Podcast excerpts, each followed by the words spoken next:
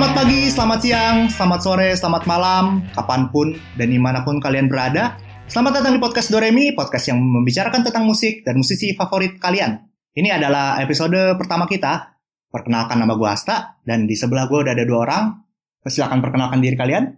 Halo, gua Maul. Gua Ikom. Nah, untuk episode pertama nih. Oh, sebelumnya kita basa-basi dulu dong. Iya, kita basa-basi dulu dong. Kenapa sih kita bikin podcast ini? Ul? Kalau gua nggak tahu gua diajak Asta. Gua Ya, Iya, iya. tapi pada dasarnya gua emang gimana ya? Gua tuh kan emang suka musik ya. Ah, Walaupun ah. gua nggak bisa main alat musik sama sekali nih. Hmm. Tapi memang dari dulu tuh gua suka musik. Jadi kayak eh, ketika ada wadahnya, Hasta ngajak gua untuk bikin satu podcast yang oh kita ngomongin musik kok lah. Gua langsung tertarik lah gitu ya. Kapan lagi seorang Maul dikasih wadah untuk ngomongin musik gitu. Oh. Ya, mantap. Kong Kong, gitu sih. gimana? Kalau gua lebih ke awalnya ya sebenarnya waktu diajak, gua juga diajak Hasta nih. Berarti yang ngomporin Hasta nih. Iya, betul. Awalnya ya gua juga pengen ya ini kan kayak kayak kita ngobrolin musik gitu, seru juga gitu. Cuman pada akhirnya eh, ini juga jadi eh, apa ya sarana buat nambah wawasan kita tentang musik lah karena yang eh, yang bakal kita bahas ini juga seru, seru banget lah gitu. Insya Allah seru ya, insya Allah. Insya Allah seru. Insya Allah seru. Ya itu sih gua menambah wawasan kita untuk mengetahui musik lebih jauh lah. Ya, ya, ya. Oke, oke. Ya, gue pribadi sih sengaja mengejak mereka berdua untuk mengisi podcast gue karena ya gue tau lah mereka berdua tuh salah satu orang yang salah dua orang yang enak banget diajakin ngomongin musik baik itu segi teknis ataupun uh, musisinya dan sebagainya. Nah, oke untuk episode pertama kita ngebahas apa nih? Ah, apa ya? Yang enak apa nih, Tak? Kebetulan sih podcast ini tayang tepat sehari sebelum hari kemerdekaan Indonesia. Ya. Nah, kita bakal ngebahas salah satu musisi yang statusnya Ah, dianggap sebagai pahlawan nasional juga. Tapi dia musisi. Wah, musisi tapi pahlawan nasional. Bingung kan? wow. jadi dia kalau misalnya penulisan gelar panjang tuh ya. oh iya. Ada posisi kalau nasional. Makanya komposer, Oh, komposer ya. komposer ya, oke, juga, penulis lagu, wah, macam-macam deh. Dan ya dia merupakan sosok yang dikagumi oleh banyak orang bahkan musisi-musisi sekarang pun juga Hmm. banyak yang kagum sama karya-karyanya dia. Ada yang tahu siapa? Siapa tuh ya? Tunggu, Nggak usah, nggak tunggu, usah, nggak usah. oke. Tunggu, tunggu, tunggu, tunggu. Nih gue kayaknya tahu nih siapa nih. Tahu nih gue Siapa nih? Siapa nih? Musisi pahlawan. Siapa ya? Ya. Iwan Fals, Iwan Fals. Oh, salah. Musisi, pahlawan. Nyerah gua. Bukasur, Bukasur ya, Bu Bukasur. kasur. Bukasur kan komposer. komposer juga dia iya benar tapi bukan itu kita akan ngebahas musisi yang jauh eranya sebelum itu Bapak Ismail Marzuki Waduh. Oke. Ya, dia adalah salah satu penulis lagu komposer dan seorang penyanyi juga yang dia namanya udah jadi inspirasi banyak musisi sampai sekarang jadi gini kemarin tuh gue sempat lihat di YouTube bahkan musisi zaman anak zaman sekarang gitu kayak si Ardito Hmm? dia tuh nge-cover lagunya Juwita Malam Yuta Malam tuh Ismail Marzuki kan? Juwita Malam tuh Ismail Marzuki Nah kalau gue tuh taunya pas eh, bukan taunya sih maksud gue masuk di radar gue tuh waktu slang tak. Oh iya, Waktu slang juga Nah, bikin. Itu kan Ah. waktu gue kita SMP. Iya, Iya sih. SMP, SD. SM- SD, SMP, SMP. SMA lah kalau nggak salah. Oh, Gua malah ingetnya lebih jauh lagi. Memes yang nyanyiin. Wah, Wah, Tua banget gua. tua banget maksudnya jangan referensinya. diganti tuh S-nya tuh. jangan diganti K. ya. Ah, Jangan. Ya jadi ya, buat gue pribadi itu menunjukkan Hmm. betapa besarnya pengaruh seorang Ismail Marzuki sampai Iya. penyanyi zaman sekarang tuh Ah. nyanyiin lagunya dia. Tapi selain itu apa ya tak? Maksud gue itu kan pasti ada sebabnya ya. Hmm. Iya nggak sih? Menurut lo tuh kenapa dia bisa se-influence itu gitu, semenginspirasikan gitu? Kalau menurut gue pribadi sih, gue ngerasa musik-musiknya Ismail Marzuki baik dari aransemen Hmm? ataupun lirik itu sangat visioner. Ya. Lo bisa gini gini, gini gue kasih contoh. Lo mungkin bisa ngebandingin liriknya katakanlah siapa? Tulus Ya. sama liriknya lagunya Ismail Marzuki. Nah, Itu sebenarnya setipe menggunakan diksi-diksi yang orang tuh nggak pernah kepikiran anjir kok bisa ya kepikiran lu mem- mengibaratkan satu hal dengan bahasa yang seperti ini. Ya. Itu sebenarnya sejenis. Dan itu nunjukin kalau ya Ismail Marzuki itu sevisioner itu. Iya, Oke oke. Kalau menurut lo gimana ya, Kong? Ya Gimana? menurut lo gimana? Kenapa dia? Karena tadi gue yang nanya nih. Hmm. Nah, menurut lo kenapa dia bisa jadi? Dia kan udah lama banget ya. Kalau nggak salah Sangat dari zaman lama. Belanda kan, dari kita Iya. masih belum merdeka, coy. Bahkan di ini aja, di biodatanya dia aja kelahirannya itu bukan Indonesia, Di mana? Hindia Belanda. Oh, kirain celeduk. Padahal Ciledug Indonesia juga. bukan? iya. Gua kagak kali. ya. Kayaknya Ciledug kalau misalnya merdeka juga bisa deh. iya, kayaknya Ciledug sama Gading tuh 11 12. Punya bendera sendiri. itu dia. Iya, gimana tuh kok kalau lo kok? Ya gue kalau denger dia memang sebenarnya kalau jujur ya Iya. dari gue, Iya. gue mendengar dia sebagai tokoh pahlawan gitu. Bahkan ketika gue tahu lagu-lagunya, gue pernah denger, gue sering denger lagu-lagunya dia. Tapi gue nggak pernah tahu dia yang nulis. Dan itu gue kira lagu-lagu zaman sekarang. Itu menurut gue ya bener kata Hasta sih. Iya, iya. sangat visioner. Kayak ya tadi kita juga sedikit bahas lah lagu yang mana? Hari Lebaran. Hari Lebaran. Itu gue kaget. Iya. oh itu Ismail Marzuki. Sevisioner itu memang dia seorang visioner banget. Gitu. Yap, setuju. Kalau menurut Dan kalau dari gue pribadi sih, eh, kemampuan seorang Ismail Marzuki ini tidak akan semelegenda ini kalau dia tidak menguasai ilmu musiknya dan komposernya dengan baik. Karena yang gue tahu, eh, Ismail Marzuki ini dia bisa memainkan 8 alat musik berbeda. Oh, anjir. Iya, gua. kebayang kan lo? Delapan alat Nggak, musik. gue, iya, gue ngebayangin sih, gue belajar gitar aja dulu males-malesan, terus satu tuh nggak jadi. Delapan alat musik. Delapan alat Delapan musik. alat Berarti dia musik. bisa bikin band ya semua yang main. Nah, Itu Kita dia. ada yang ngisi, drum ada yang ngisi. Iya, Itu dia. Habis itu tipes. Satu lagu tipes dia. Semuanya dia yang ngisi. Itu dia, bayarnya lebih mahal tuh daripada satu band. Iya. Oh, Ini ya virtuoso berarti dia. Dosos. Semuanya bisa ya. Tapi apa ya yang yang dia lebih paling menguasai apa tak? Tahu kalau lu, Tak? dibilang dia paling menguasai, gue rasa dia paling menguasai tuh piano sih. Setahu Oh, gue dia oke. paling menguasai, ya wajar sih. Komposer itu Komposer, wajib. benar, benar, benar. Komposer Iya, tuh iya. wajib hukumnya Iya, iya, untuk iya. bisa main piano. Gue tuh pernah ngobrol sama Asta kalau nggak salah tak ya kayak Hmm. berapa. Gue lupa lu masih ingat apa enggak. Cuman gue Ah. pernah ngobrol gini tak. Gue bilang gini, kebanyakan kalau band itu ada ada keyboardisnya atau yang bisa main piano gitu ya itu pasti yang yang main piano itu adalah orang yang musik musikalitasnya paling tinggi di band Setuju. itu gitu terus gue kasih contoh kan tau waktu itu Setuju. Ahmad Dhani, Berat banget. banyak apalagi waktu itu ya? Yofi. Yofi. Yofi. Nah, kayaknya udah jadi ini ya. Kalau komposer tuh emang udah Harus bisa main piano. iya harus main piano Benar. gitu. Karena kan ya Ahmad Dhani ya kurang mantap apa lagi coy. Makanya. Faris RM. Iya. Saya penasaran Ah. juga. karena gue waktu belajar dulu pernah belajar musik juga kan gitu ya emang gue kalau dikasih tahu tuh lu kalau bisa main piano bisa lari kemana aja gitu. itu yang pernah dikasih tahu ke gue gitu. Wah kalau gue waktu itu dikasih taunya beda kom. oh justru beda Gua dibilang gini eh apa eh, yang ngasih tau gue kan teman gue itu. Lu Hmm. kalau bisa main piano pasti cewek lu banyak. Gitu. bener itu bener juga sih Tapi bisa bisa Tapi sekali. Susah lu banget. belajar Oh. akhirnya Ya. Kagak. gue terlalu malas untuk gimana ya gue emang gini kalau gue tuh di keluarga gue emang bukan keluarga musisi ya oke Oh iya iya. Eh, bokap nyokap suka karaokean gitu Ah. tapi nggak nggak ada yang bisa sama sekali baca mungkin nyanyi pun fales gitu tapi ya kalau musik tuh kalau di keluarga gue tuh ya sebagai apa ya hiburan aja Hiburan. gitu bukan yang harus diseriusin gitu ya oke harus belajar ini belajar ini enggak gitu. jadi gue memang nggak ada tuntutan itu tuh kalau dari orang tua gue tuh Oke. Nah, kan mungkin beda-beda juga kan kalau misalnya Asta atau lu juga eh, kalau misalnya basicnya dari keluarga musisi gitu ya lebih enak tuh maksud gua lu akan pasti lebih disupport juga kan sama orang tua kan Hmm, iya iya. soalnya ada sepupu gua eh, dia tuh ini eh, bokapnya tuh anak band dulunya terus disupport eh, diajarin main gitar drum sampai Hmm. bisa sampai sekarang pun masih bisa gitu main piano kayak itu juga sih mirip-mirip sama Ismail Marzuki itu virtuoso juga dia Oh iya iya bisa main iya. gitar, bisa main drum, bisa main piano, tapi cuma tiga doang gitu. Dan gue kayak Oh. kalau misalnya gue main ke rumahnya, itu dia ada studio gitu di atas di loteng. Jadi main ma- ngejamnya tuh di situ. Gue nggak bisa ngapa-ngapain kan, gue ngeliatin aja anjing enak juga ya bisa main musik ya. Gue nggak bisa main apa-apa nih. gua. Sebenarnya kalau gue, keluarga gue waktu itu kenapa support gue buat belajar, bukan lari ke pre- buat profesional juga. Iya. Buat kalau lagi ada acara keluarga, gue disuruh main. itu Iya, iya. iya. Tumbal acara keluarga. Benar benar benar. Sepupu gue juga mengeluhkan hal yang sama tuh kalau lagi Iya. lebaran gitu kan. Dia kayak, aduh nih bentar lagi gue disuruh main, nih, bentar lagi gue disuruh main. Iya, iya. bener, abis itu disuruh main. Berapa lagu, berapa lagu. Bener, nanti eh, arisan keluarga kamu main ya. Aduh, itu kayak iya deh. Tapi kayaknya eh, si eh, Ismail Marzuki gitu juga gak sih? Kayaknya gitu deh. Iya, Tambah bisa kalau- delapan alat musik. Jadi udah disediain tuh semuanya tuh. Iya. Nah, nah tinggal lu main semua dah tuh. Iya. Sampai sampai hatam dah.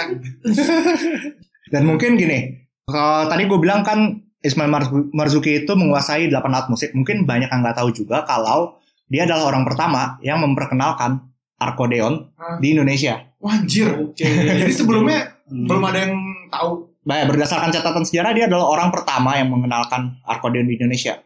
Ya, Gila maksud- ya di orang berarti ya. Ya, Zaman dulu. zaman sekarang siapa? Ya, nggak usah zaman dulu nih, Iya zaman sih, sekarang aja iya sih. siapa yang main Arkodeon? Tapi gimana ya? Gue kan nggak tahu ya. Gue nggak bisa main musik ya. Iya, iya. Emang susah banget ya akordeon. Ya, gue nggak tahu sih karena gue juga nggak bisa. Tapi sebenarnya gini, Nah, ar- ba- oke. basic arkodeon, bar- basic arkodeon itu, itu kan sebenarnya piano. Nah, Nah, Jadi ya itu. gue rasa, ya mungkin, mungkin sama tingkat kesulitannya, Secara- ya- mungkin konsep secara konsep mungkin Secara konsep sama, ya, mainnya, benar. cuman ya kan dia kayak agak ditarik gitu Iya, buat buat benar. suara. Iya, iya, iya. mungkin ada teknik-tekniknya yang me- memang beda dari piano berarti memang sense-nya, basicnya tuh dari piano ya. ya Iya. basicnya itu dari piano. tapi lagu lagunya dia apa aja sih Oh banyak, Kalau- banyak banget sebenarnya. Dan mungkin gue berani bertaruh banyak orang yang nggak tahu kalau lagu-lagu ini ciptaannya dia kayak tadi gue bilang kan hari Lebaran hari lebaran ya, telah berpuasa. Aduh tuh itu setiap tahun disetel itu di TV-TV. Betul. iya, iya. Kita malam Juwita Malam. Gue bahkan pertama kali tahu Juwita Malam tuh gue pikir tuh lagunya slang. Nah, iya kan sama kayak gua. Iya, Maaf ya. gua biar di kuping aja sih tapi gue tahu eh, slang itu nggak cover gitu Cuman Iya.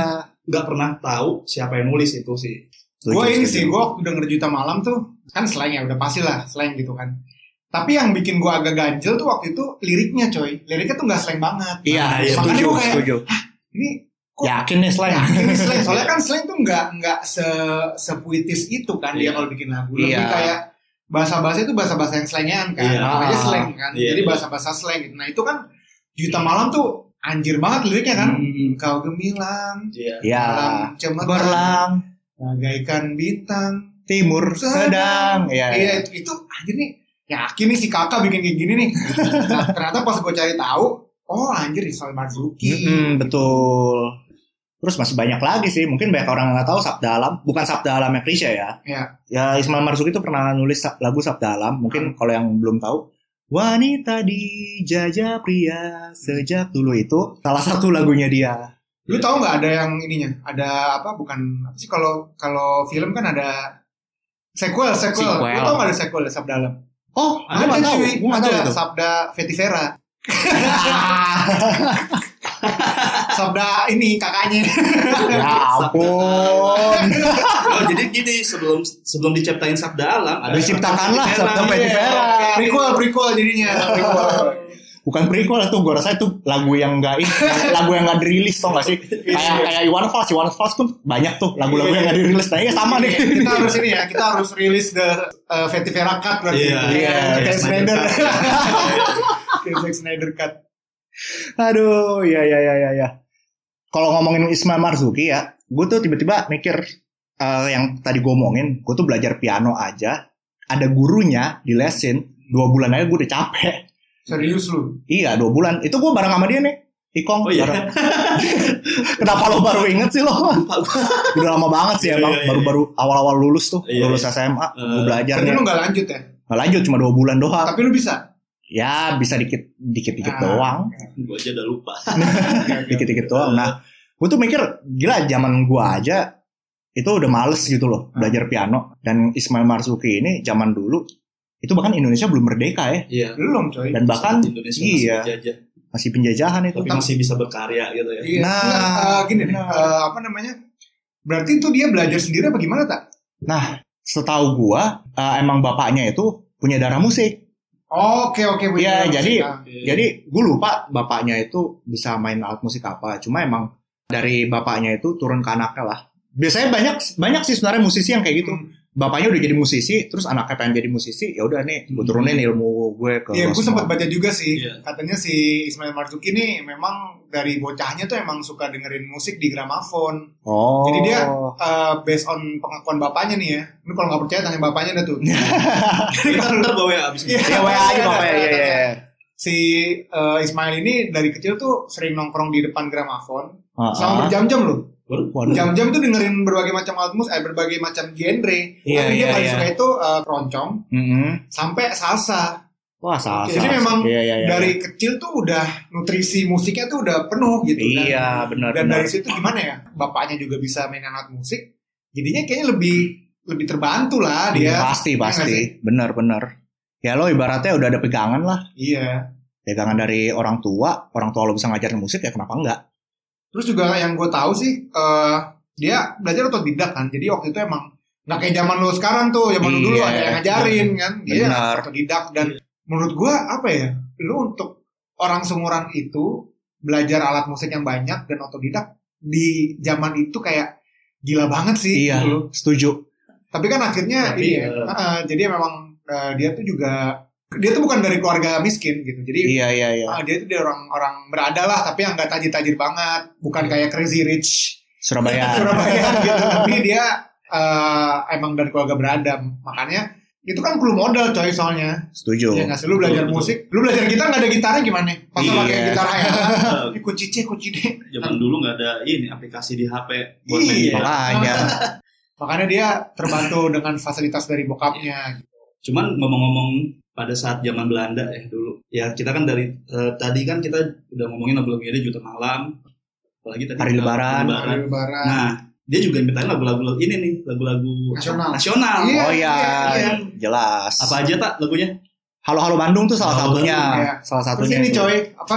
Nyanyian Pulau Kelapa. Eh, Oh, iya, Rayuan. Ah, rayuan. Rayuan. Rayuan Pulau Kelapa iya Rayuan. itu juga Itu Sampai sekarang gue masih suka dengerin gitu. iya Yes. benar Itu Tua banget sih. Tapi gue suka itu. tapi iya ya itu bukti kalau beliau visioner Dan waktu itu pernah di cover coy sama sama Project Pop. Iya. oh iya benar benar Itu enak banget. iya Eh, tapi eh, kalau nggak salah project Pop. project pop itu Hmm. eh, ngecover bukan rayon rayon pulau kelapa judulnya ya. Bukan bukan. Uh, Eh, Iya, iya. Go first waktu itu. Indovers ya. Ah, Yang iya. ada Rensen juga kan. Eh, Iya iya iya iya iya. Saudaraku sebangsa dan Iya, setanah iya tuh. air. Nah, nah, nah, nah, nah, nah. baru. Tapi ada refnya si itu tuh melambai. Iya. melambai. Nah, itu. Nah, Iya itu iya enak iya. banget sih. Parah. Setuju setuju. Eh, Tapi kalau misalnya ditanya gitu ya, eh, dia kan banyak nyetain lagu perjuangan ini. Yang paling lo suka deh eh, lagunya dia gitu.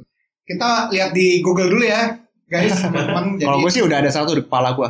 Ntar, ntar. Nih, dia eh, ciptaannya, tunggu nih, kita butuh waktu nih. Kita juga harus tetap nyontek lah. Eh gue dulu aja kali ya. Iya, iya, Sambil kalau boleh, ngomongin. boleh. ya, Iya iya iya. Gue ada satu yang di kepala gue yang gue tuh sesuka itu sama lagu nasional Indonesia Pusaka. Ah, sama kayak gua, ngikutin lu. Tapi ya emang sebagus itu. Iya, iya, bener-bener. bener. Lagu itu sebagus itu Sampai dan gue ingat ya ya ya satu silakan. kejadian. Eh, ini kita nggak maksud mau nyinggung ya maksudnya, tapi Iya, ini iya, ada, iya. ada adalah satu kejadian yang lucu gitu. Iya iya. Jadi eh gue nonton di YouTube tuh ada orang lagi lagi demo. Gue lupa siapa, mungkin ada yang tahu ya udah nggak usah disebut. Ah. Nyanyi lagu Indonesia Raya gitu. Itu doang. Oh ya ya. Kayaknya saya tahu tuh. Iya, iya, iya, iya. Orang tuh keren. Iya iya iya. Oh dia nyiptain gugur bunga juga coy. Oh ya dia juga nyiptain gugur bunga. Gugur bunga tuh anjing lagu lagu paling emo sepanjang masa gitu. Lagu nasional paling emo. Jadi, lu dengerin itu tuh langsung kayak nggak punya semangat hidup tuh. Iya kayak kayak badan lu tuh kayak layu aja kayak gitu. di subasa Iya, dia. iya, Kayak aduh aduh gua malas sama ngapain ah dengan lagu ini ya. Halo Halo Bandung. Kalau gue sih Halo Halo Bandung. Hmm. Kenapa tuh? Eh lebih apa ya? Karena kalau untuk lagu nasional semangat banget gitu. Berapi-api. Berapi-api. Oh, lu tapi menurut lo lagu nasional memang harus bersemangat. Iya, kalau menurut gue gitu. Karena Nah, eh, pada apalagi pada zamannya ya, itu kan kayak membangkitkan semangat Iya, pemuda, semangat gitu, juang ya. semangat juang pada saat itu gitu. iya, iya, itu sih iya. gue suka Tapi ah, dia Halo Halo Bandung tuh katanya ini juga sih. eh, dia kan memang sempet tinggal di Bandung gitu ya. Jadi Oh iya, ha. Heeh, sempet kayak Bandung tuh buat dia kayak second Home. second Hmm. city-nya lah gitu ya Oh, second oke. home-nya. Makanya banyak tuh lagu-lagu dia yang yang bawa Bandung kong. oh gitu Heeh, selain hal Bandung ada lagu apa ya? Apa dari Bandung Timur gitu? Gue lupa Oke. sih. menarik baru tahu juga Hmm. Oke, oke. Kalau gue paling gue sama kayak Asta sih. Indonesia Iya, Pusaka tuh kayak one of the lagu lagu- bah- bahkan lagu nasional yang paling gue suka. Iya. Gue bahkan dibanding sama Indonesia Raya ya. Gue lebih Iya. suka Indonesia Pusaka. apa jangan-jangan lo yang lagi demo ketukar lagu Ah, Saking sukanya ya. Iya. itu dia saking sukanya kan sama lagu itu. Mungkin bapak itu juga saking sukanya sama lagu itu tuker Bisa bisa jadi, jadi, bisa jadi. benar. Ya buat gue sih ya Indonesia Pusaka itu salah satu lagu nasional yang secara image itu grande banget, Hmm. kayak mewah, megah, agak mellow, tapi satu sisi membangkitkan semangat lo Membangkitkan juga. Keren, keren banget itu sih. dia segala elemen yang ada di lagu itu mulai dari aransemen, lirik, nada itu wah gue sampai nggak bisa mendeskripsikan dengan baik saking luar biasanya lagu itu Hmm. luar biasa banget Eh, kalau lagu dari Ismail Marzuki yang ada di playlist tuh apa kira-kira playlist ya yang masuk ke playlist tuh? Eh, di Spotify gue sayangnya nggak ada cuma gue bisa sebutin di YouTube ada beberapa cover cover musisi zaman sekarang yang bisa gue masukin playlist beberapa tuh ada eh What Shoes What Shoes itu nge-cover Sab Dalam Oke. itu bagus Oh iya. Iya Watchus kan, pernah- Watchus tuh pernah cover Sab Dalam, terus Tulus juga pernah cover Juwita Malam dan nah itu lucunya adalah eh, si Tulus itu bawain Juwita Malam pas di konser Taman Ismail Marzuki Wah, anjir. Oh. tahun 2000 2011 apa 2012 ya Gila. itu pas tuh kan dia bawain lagu Juwita Malam Di Taman Ismail Marzuki. di Taman Ismail Marzuki gue lupa 2011 apa 2012 gitu terus kemarin yang tadi gue bilang Ardito Ardito juga baru rilis juga di YouTube-nya cover Juwita Malam Hmm. Oke. banyak sih, banyak banget. Kalau lo ketik judul lagunya aja, judul lagunya misalnya kayak Juta Malam, Hari Lebaran, itu eh, hasil searchnya bakal munculin banyak banget musisi-musisi yang cover lagu Ismail Marzuki. Iya. Hmm. Ya Juwita Malam sih yang paling sering gua denger Ya, paling versinya banyak. Beda. Oh, gini, ngomongin playlist, gue tuh jadi keinget eh, beberapa musisi senior itu eh, bikin album tribute untuk Ismail Marzuki. Oke. Hmm. itu udah lama banget sih keluarnya itu tahun 2013 kalian bisa cek di Spotify Hmm, apa nih Spotify-nya nih? Eh, ketika namanya Ismail Marzuki itu Oke. ntar ada al- ada keluar di list itu album tributnya itu yang nyanyi juga penyanyi senior semua Rama Ipama Oh, titik, My Pama. iya, Naik pamuk. Gokil. titik Puspa terus siapa lagi ya banyak banget sih penyanyi penyanyi senior yang mengisi album itu Oke, itu album udah lama. Eh, udah lama banget 2013 Cuman udah ada di Spotify. udah ada sekarang. di Spotify Oke. Nah, tuh mungkin kalau misalnya ada yang mau dengerin tuh ya, Eh, Ismail Marzuki ada tuh eh, tribute-nya. Ya, gua gua gua yakin banget sih ya, yang dengerin kita nih juga sering denger lagunya Ismail Marzuki, setuju tapi nggak pernah ngeh kalau itu ciptaan Ismail Marzuki. Iya. benar Oh anjir Selendang Sutra juga cuy. oh Selendang Sutra. Iya. iya iya iya iya Makanya, iya iya Kita akhirnya juga karena podcast ini jadi nemu ya. iya Gila sih. Iya. Iya. Bang Maing ya, dia dipanggilnya Bang Maing. oh iya panggilannya di rumah Bang Panggilannya Bang Maeng Oke. Ismail Marzuki. Orang Betawi dia. Panggilan rumah panggilan sayang. Iya gitu. panggilan saya. Iya, iya. Bukan Profesor ya. Ntar dituntut oleh. Nuntut lagi. Ah, luar biasa sih memang karya-karya Ismail Marzuki dan gue berani bertaruh anak-anak zaman sekarang pun lo suruh denger lagu-lagu itu pasti suka Iya. yakin gue 100% Iya. Berarti memang gini ya. Berarti si Ismail Marzuki tuh eh, menurut lu kalau ditanya layak nggak ya jadi pahlawan nasional menurut lu layak nggak? sangat Sangat Iya, layak. karena gini satu sisi Eh, dia tuh menjadi pahlawan dari sudut pandang lain Iya iya iya. kita bisa lihat Soekarno jadi pahlawan nasional karena dia bapak proklamator betul. atau mungkin kita bisa lihat siapa yang ya Nah, Banyak- banyak deh banyak banget lah Kartini, Bung Tomo Bung Tomo. ya era Kartini dengan feminismenya Malaka. Tan Malaka dengan kejeniusannya. Nah, di jalur musisi, di jalur musik, komposer dan penyanyi itu ada dia. Ada sama ini ya, Wertu Pratman juga dong. Oh iya, Oh, jelas, betul. jelas, jelas, Betul. jelas. Ya kita nggak boleh lupa itu. gitu. Iya, iya, iya. Benar. Jadi gue bilang Ismail Marzuki itu sangat layak untuk jadi pahlawan nasional. Iya iya. Ya itu tadi sudah ada ini juga kan Taman Ismail Marzuki itu kan Iya, udah- Iya, iya. udah menggambarkan ya bahwa emang dia sangat layak gitu. Setuju juga sih, gue juga eh, sama kayak Hasta lah. Gue copy paste jawaban Hasta lah. Gak usah repot-repot. Biar nggak ribet ya. Iya. Langsung jadi ya udah jawabannya. Oke gini, kalau misalnya sekarang nih Ismail Marzuki masih hidup nih tak, Ya. ngomong gitu ya. Mhm. Lu ada yang mau lu sampein nggak ke bapak itu? Kalau misalnya dia masih hidup nih ada di depan kita nih sekarang nih, Iya, iya, iya. ikut podcast ini nih misalnya nih. Waduh. Ah, Halo bapak Ismail Marzuki gitu. Wah, Lu itu- apa yang mau lu sampein ke bapak itu, ke beliau? Waduh, iya iya iya. Wah, gue sih satu hal yang pasti sih, gue pengen minta diajarin gimana caranya bisa nulis lirik lagu seindah itu dan Oke. sevisioner itu. Lu langsung ngomong aja tuh, ada di depan tuh. Baru- Waduh, Serem juga. serem sih, serem sih. Eh, Tapi ya itu yang gue pikirkan karena ya tadi kayak tadi yang gue bilang, Hah? lo bandingin lirik lagu dia sama lirik lagu orang-orang zaman sekarang, itu nggak ada bedanya, Iya. sama sama banget. Jadi wah luar biasa sih si Iya. Pak Ismail Marzuki. kalau lu gimana Gua bang? sih pengen nanya yang jadi influence lu buat main musik itu siapa sih? Ya, Ah, iya bener-bener, iya Karena iya. pasti kan ya Iya. dia main musik karena melihat sesuatu kan. Pasti, Gitu. Ya, pasti. Sebenarnya tadi kan udah dikasih tahu eh, dengerin salsa Iya kayak banyak gitu. segala macam. cuman kan pasti ada eh, satu orang satu atau satu musisi yang dia lihat dia wah gue kagum Iya iya. musisi siapa gitu dan Benar, sisi itu juga kayaknya belum banyak diangkat ya kalau Nah, gue baca iya. tulisan-tulisan tuh kan Iya. uh, sumber-sumber yang kita pakai ini buat podcast ini emang belum ada yang belum banyak yang angkat Eh, sih. Iya iya. Ini orang terinfluence apa gitu? Jangan-jangan dia terinfluence sama Inul. nah Iya iya. Kita belum tahu siapa sosok yang membuat dia. Wah gue mau jadi musisi. Ah ya. Iya. Kita belum tahu Gitu siapa. itu sih yang pengen buat aja Iya iya iya. Oke, cukup sekian dulu kali ya kita Iya, iya, ngomongin iya. Nah. Ismail Marzuki.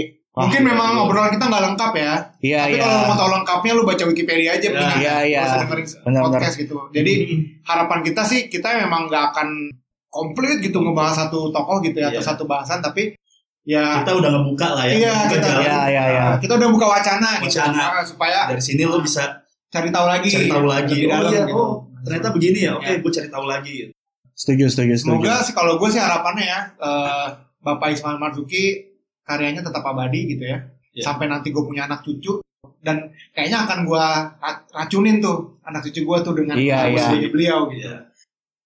Oke, segitu dulu aja kali ya. Kita udah ngomongin banyak banget tentang Ismail Marzuki dan ya kayak tadi dibilang, semoga podcast ini menjadi pembuka jalur untuk kalian yang mungkin kepo sama karya-karyanya Ismail Marzuki seperti apa. Silahkan denger di YouTube, udah banyak sekali musisi-musisi yang cover lagu-lagu dia. Segitu dulu aja dari kita. Sebelum kita pamit, kita mau ngucapin Selamat, Selamat Hari Hari Kemerdekaan Republik Indonesia yang ke-75. bareng-bareng dong bareng-bareng ya satu dua tiga merdeka gitu ya Ya. Kayak ayah. satu dua tiga merdeka